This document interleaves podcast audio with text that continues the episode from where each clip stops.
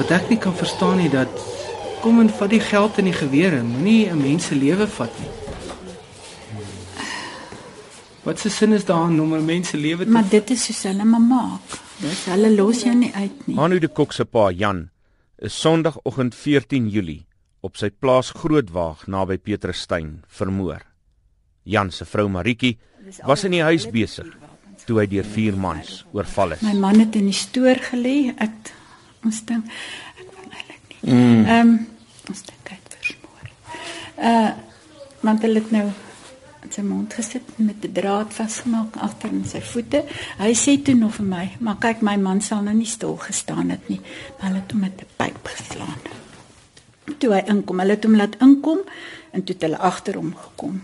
En toe Dit volg 'n week na die aanval op van Greenen en die moord op die 83-jarige Adel Viljoen van Ryds, sowat 30 km van Petrusstein af. Die derde aanval in die distrik binne so 'n kort tydperk het die gemeenskap van Petrusstein geskok. Van my hart is baie baie seer ja. en ek is rarig. Ek weet nie wat om tannie om te sê nie. Ek kan maar net bid. Ja. Moet maar net bid vir vrede. Bid vir bid maar net ja. vrede tannie. Dis al. Genade. En genade. Dankie ons het die Here. Dis al wat sê. Ja.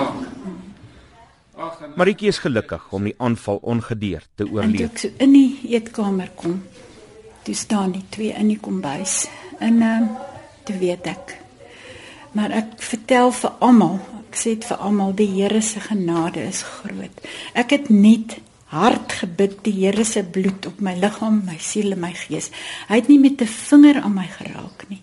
Hy het net gesê, "Mevrou, Behalwe vir 'n familie en gemeenskap wat deur die aanval ontwrig word, dreig die reperkusies daarvan om die brose harmonie in die Suid-Afrikaanse samelewing te versteur. Maar die de Koks is versigtig om nie in die slaggat te trap nie. Daar's 'n swart boer wat ek dink is tussen Lindley en Bethlehem wat ook nou aangeval is. ja, So dit dit gaan nie oor kleer noodwendig en so nie. Ons is Dis alleen. mense wat te sleg is om te werk.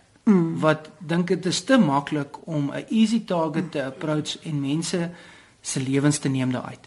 Mense kan nie as mense saamleef in 'n land ehm um, as daar nie meer respek is vir menswaardigheid nie. En hulle Plaasaanvalle het ook die potensiaal om boere se verhouding met plaaswerkers te vertroebel. Maar ons weet nou nie hulle moet maar inside information hê. So ons weet nou nie watter van. Hier's net drie swartes op ons plaas, maar die een bly in die lokasie. Hy het niks daarmee te doen gehad nie. En twee, hy werk al 36 jaar vir ons. Jan sê hy het net iets agtergekom by die een in die laaste tyd. Uh uh uh houding. So, maar ons kan Volgens nou nie een van die werkers op Grootwaag, Lukas Maloy, is hulle net so verslae oor hulle werkgewer se dood. Regtig was ons weet. nie. As ons geweet het, kan ek die baas gesê het, nou ons weet nie was. Regtig. Regtig ons weet niks was. Ons was baie seer met die meer meer was. Is dit bly julle daarso by daai huise? Ja, ons bly so by die se is was. En gistermôre ek hoor die motorbike as hy dreun. Ek dink die baas gaan die beeste kyk daar agter kan die beeste al val by die motor en daar agter. Toe as hy terugkom, ek het hom nie ek het nie daai motor fiks ook gehoor as hy terugkom. Wat is baie seer. Verskeie kommentators waag dit soms om te sê plaasaanvalle is die gevolg van slegte verhoudings tussen boere en werknemers.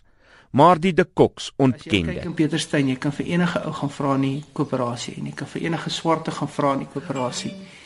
Ken hulle vir Jan Palala? Ken hulle vir Jan de Kok? En hulle sal almal sê ja.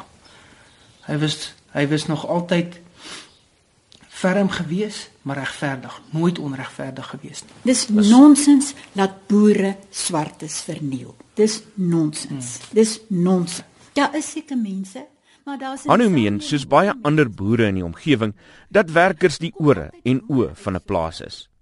Volgens Maloy het hulle niks gesien toe die rowers vermoedelik die week van tevore die de Kok se hond vergiftig het en gesteelde vleis op die plaaswerf gebraai het nie. Dit is die tipe voorbereiding wat die krisis verdiep, aangesien sommige mense meen dit dui op 'n politieke aanslag op boere. Hoewel die de Koks nie 'n politieke kleur aan hulle tragedie wil heg nie, meen Hanu dat boere sagte teikens geword het. Kontant op die plase, daar's wapens op die plase en ehm um, daar's nie baie mense nie. Hulle doen dit op 'n Sondag. Altyd na En daar's geen verkeer op die pad nie. Niemand sal verbyry en sê maar dis Jan de Kok se bakkie daai. Hoekom hoekom kry ons Die dit? gebruik van die term plaasaanval skep ook probleme in verskeie kringe. Hoewel die de Koks hulle nie hieroor uitgelaat het nie, meen hulle wel die krisis is groot genoeg vir die regering om drasties in te gryp en sy verantwoordelikheid hieroor na te kom. Hoe ver moet hierdie mense nog gaan om te besef hulle beter die boere bewaar nie? Ek het dieselfde Praat jy met mense in die Ryds-distrik, kom jy onder die indruk van die diep verdeling wat plaasaanvalle op verskillende vlakke veroorsaak. 'n Boer met 'n liberale siening oor die saak het in 'n hotel op Ryds gepleit dat sy vriend nie van sy opinie te hore moet kom nie, aangesien dit hulle vriendskap kan vertroebel. Antwoorde bly 'n mens dus oninhaalbaar voor. Wat wel seker is, is dat Maritjie de Kok voortaan alleen gaan wakker Ek word. weet nie wat gaan ons almal sien. Die tyd gaan maar leer, jong. Wat sal ons maak? Ja, Ja, maar- Jan het gesê as hy die dag nie meer daar is nie, moet ek alles hoor. Nee, ag ek gaan nie bly nie. Ag, ag. Ja, Nee, ek Die landskap tussen Ryds en Petrusstein is wyd en uitgestrek wat die weerloosheid van boere onderstreep.